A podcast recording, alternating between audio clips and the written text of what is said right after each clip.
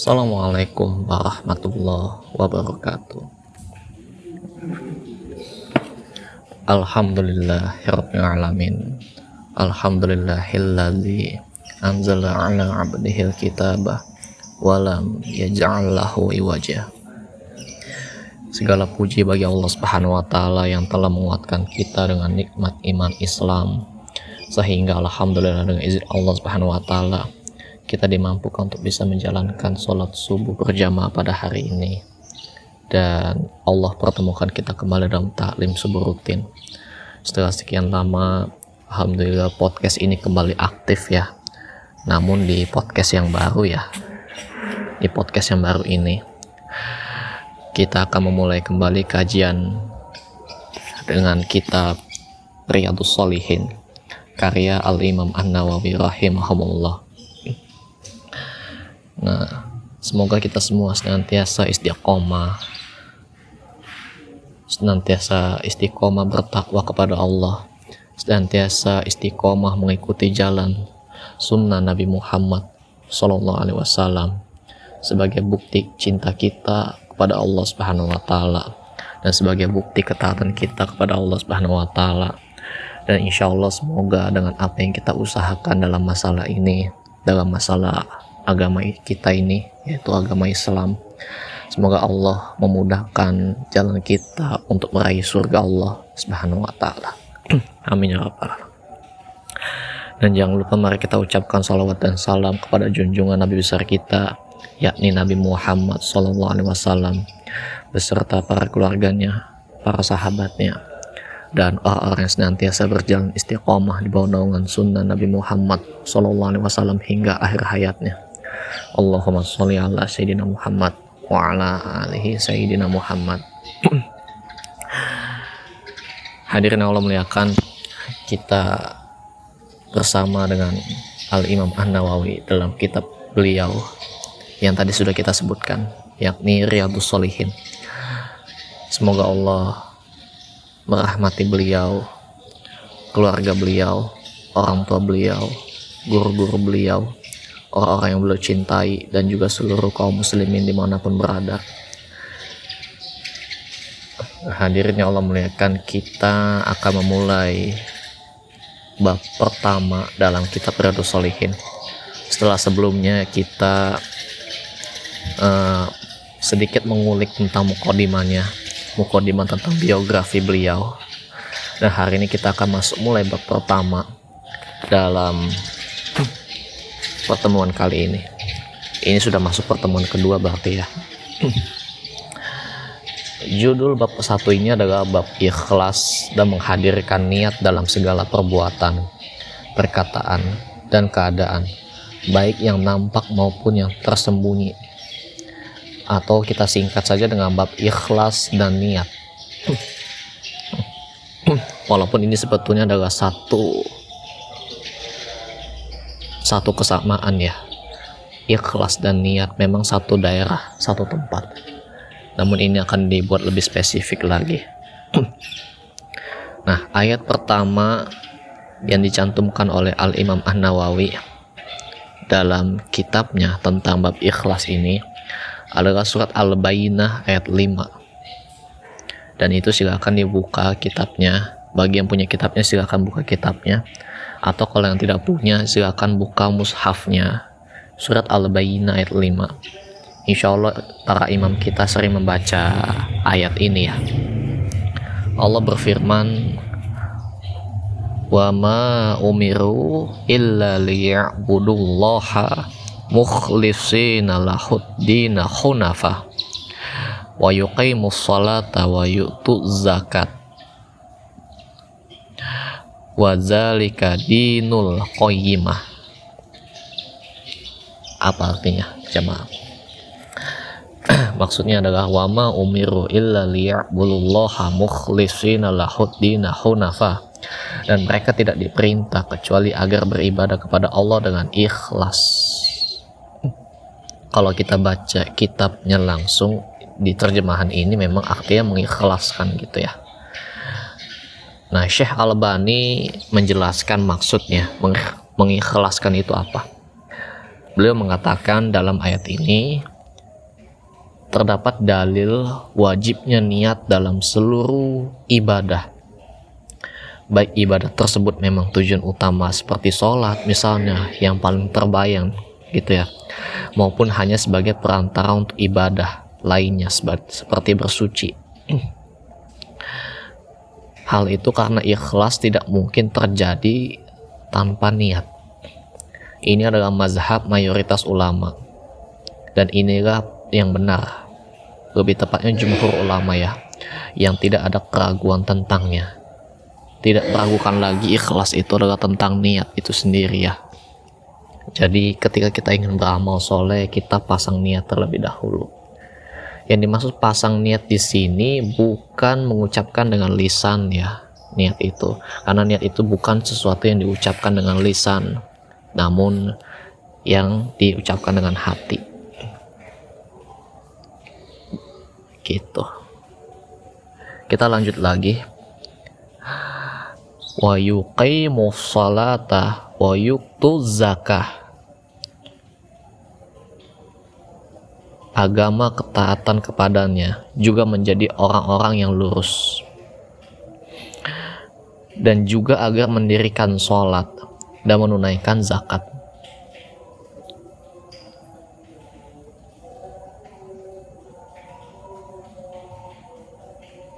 Hmm. Wazalika dinul qayyimah. Dan yang demikian itulah agama yang lurus Dan sekarang saya akan buka sedikit catatan yang sudah saya tulis ya. Dan ini beberapa referensi dari para asatiza atau para ulama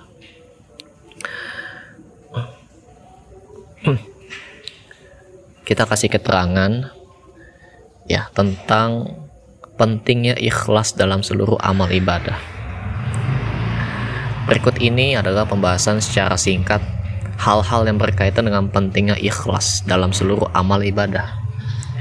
Sesungguhnya perkara paling mendasar dan terpenting dalam agama ini adalah mengikhlaskan diri kepada Allah Subhanahu wa taala dalam setiap amal ibadah yang kita lakukan. Hal itu sebagai syarat utama diterimanya amal ibadah. Ikhlas adalah termasuk amalan hati yang perlu mendapatkan perhatian yang mendalam dan dilakukan dengan cara terus-menerus. Di setiap kita hendak melakukan amal ibadah agar amalan kita itu menjadi bernilai di hadapan Allah Subhanahu wa taala. Dan perlu kita tahu bersama dalam konsep ibadah syarat diterimanya amal cuma dua bukan cuma dua ya lebih tepatnya harus memenuhi dua syarat. Yang pertama itu tadi adalah niat dan ikhlas. Dan yang kedua adalah sesuai tuntunan Nabi Muhammad Wasallam. Niat ikhlas namun tidak sesuai dengan tuntunan Nabi Muhammad SAW maka syarat diterimanya amal pun gugur tidak diterima. Begitupun sebaliknya tuntunan Nabi SAW sudah dijalankan 100% misalkan. Seandainya udah bener-bener pol bagus. Namun kalau niatnya ria tidak ikhlas ya tidak diterima juga amalnya. Karena syarat diterimanya amal ini dua-duanya harus lengkap. Harus memenuhi dua syarat ini. Begitu. Nah sebelum kita membahas lebih jauh Mari kita pahami makna ikhlas secara bahasa dan istilah. Ini sangat penting sekali agar kita benar-benar memahami esensi dari sebuah kalimat. Agar kalimat ini tidak hanya sekedar gampang diucapkan secara lisan. Gue udah ikhlas kok, gitu ya. Tapi ngerti nggak sih ikhlas tuh kayak gimana?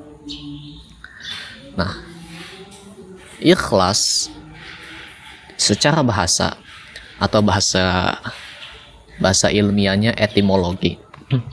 Diambil dari kata kholuso kholuso yaitu sesuatu yang murni yang tidak tercampur dengan hal-hal yang bisa mencampurinya. Dikatakan bahwa madu itu murni jika sama sekali tidak tercampur dengan campuran dari luar.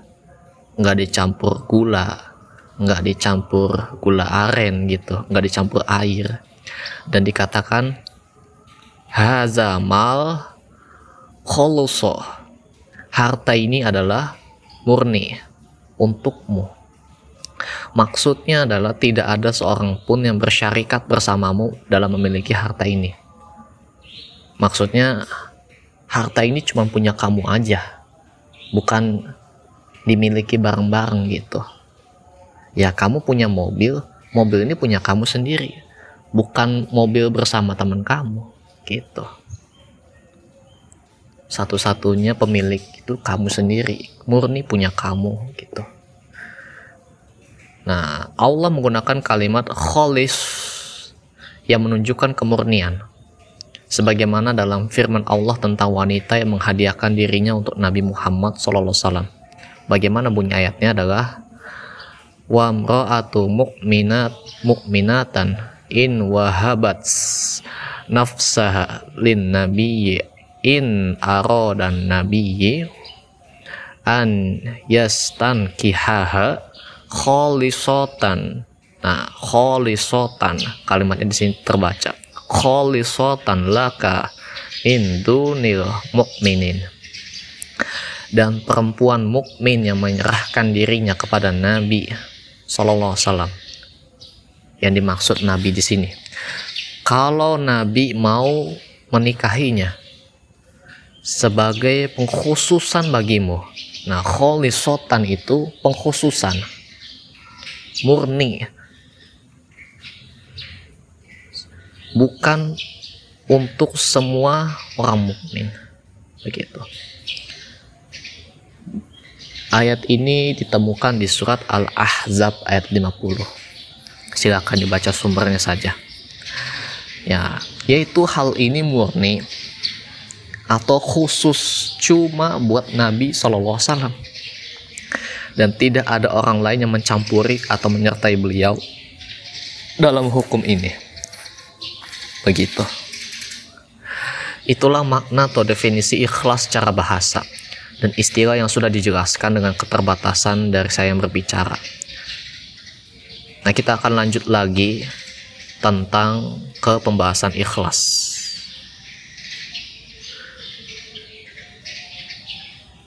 Eh. Kita cek dulu.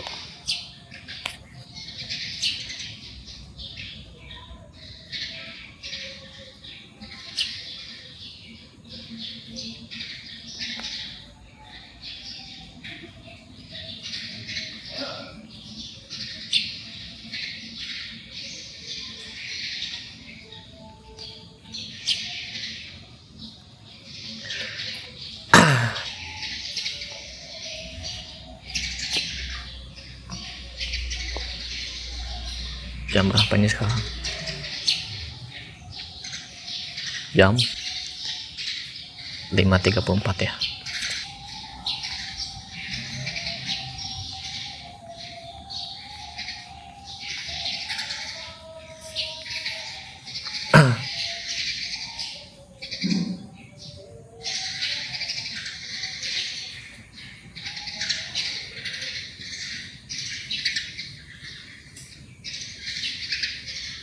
ikhlas secara bahasa.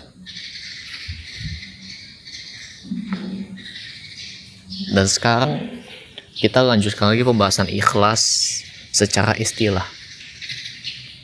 Secara istilah ini belum kita temukan ya hadirin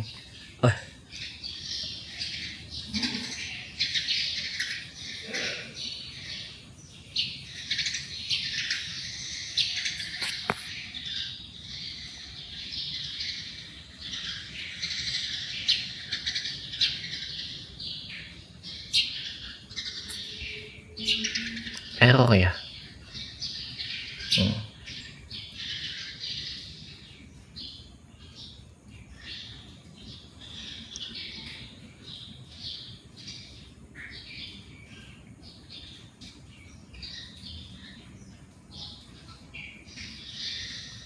kita tunggu sebentar jamaah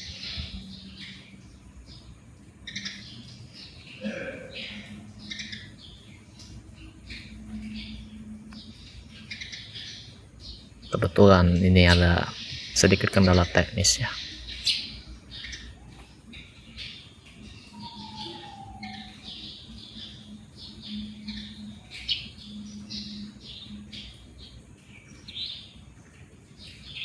Nah, secara istilah, ikhlas itu berarti niat mengharap ridho Allah saja dalam beramal, tanpa menyekutukannya dengan sesembahan yang lain. Memurnikan niat dari segala kotoran yang merusak hati dan jiwa.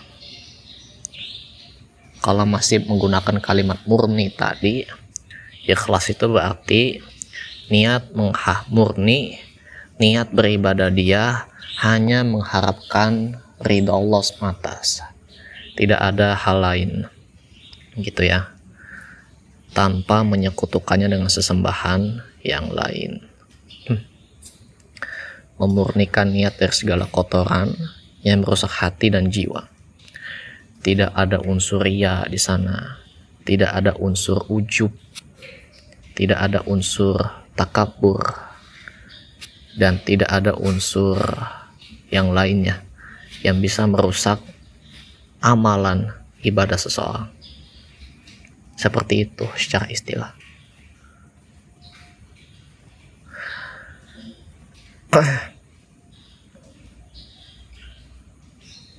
Nah, perlu kita ketahui bahwa ikhlas adalah per perkara terpenting dalam amalan hati.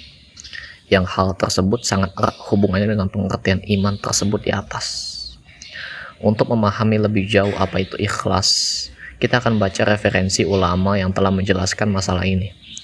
Seperti Syekhul Islam Ibnu Taimiyah dan Al-Imam Ibnu Qayyim rahimahumullah. Pertama kita akan baca keterangan Syekhul Islam. Beliau mengatakan dalam kitabnya Majmu Fatawa, amalan-amalan hati adalah termasuk pokok-pokok dari keimanan dan tonggak-tonggak agama Islam ini seperti mencintai Allah dan Rasulnya bertawakal kepada Allah Subhanahu wa taala mengikhlaskan seluruh macam ibadah hanya kepada Allah Subhanahu wa taala bersyukur kepadanya atas nikmat-nikmatnya dan berlaku sabar di atas hukum-hukumnya khauf atau perasaan takut kepadanya akan siksa atau azabnya dan roja maksudnya berharap kepadanya. Semua amalan ini wajib atas seluruh makhluk berdasarkan kesepakatan para imam agama. Kesepakatan imam agama maksudnya ijma. Itu ya. Semua amalan ini wajib. Maksudnya wajib apa? Wajib mempunyai niat ikhlas dalam masalah ini. Seluruh amalan apa pun termasuk dalam hal muamalah pun juga begitu hadirin ya namun ini kita akan lebih spesifik bicara masalah ibadah ibadah entah itu ibadah makdo atau goyur makdo. Nah itu dari Syekhul Islam Ibnu Taimiyah dalam kitab Majmu Fatawa. Lalu menurut Al Imam Ibnu Qayyim nah beliau juga sembari menjelaskan keagungan amalan-amalan hati. Amalan-amalan hati ialah pokok pokok amalan-amalan anggota badan. Nah oh mohon maaf amalan-amalan hati itu adalah pokoknya. Adapun amalan-amalan anggota badan adalah pengikut dan penyempurna. Sesungguhnya niat sejajar sekedudukan dengan roh. Adapun amalan sekedudukan dengan jasad. Sehingga apabila roh telah terpisah dengan jasad, maka binasalah. Oleh sebab itu, mengetahui hukum-hukum hati lebih penting daripada mengetahui hukum-hukum jasad. Begitu. Itu bunyi ayat pertama dalam Riyadus Solihin. Bukan bunyi pertama, itu adalah syarah penjelasan yang bisa disampaikan hari ini. Semoga itu memberikan manfaat untuk kita. Dan insya Allah di pertemuan berikutnya nanti entah lusa atau berikutnya di masa mendatang kita akan bahas surat Al-Hajj ayat 37 nanti silakan dibaca masing-masing ayatnya. Surat Al-Hajj ayat 37 bagi yang punya syarah kitab Riyadus Solihin silakan dicari ya silakan di didiskusikan di, kolom komentar supaya kita saling sharing ilmu bersama di podcast ini amin ya rabbal alamin Demikian itu yang bisa disampaikan, kurang lebihnya mohon maaf dan sebelum kita tutup, marilah kita tutup dengan doa kifaratul majelis. Subhanallah wa bihamdihi. Subhanakallahumma wa bihamdika. Asyhadu an la ilaha anta astaghfiruka wa atubu ilaik. Wassalamualaikum warahmatullahi wabarakatuh. Wassalamualaikum warahmatullahi wabarakatuh.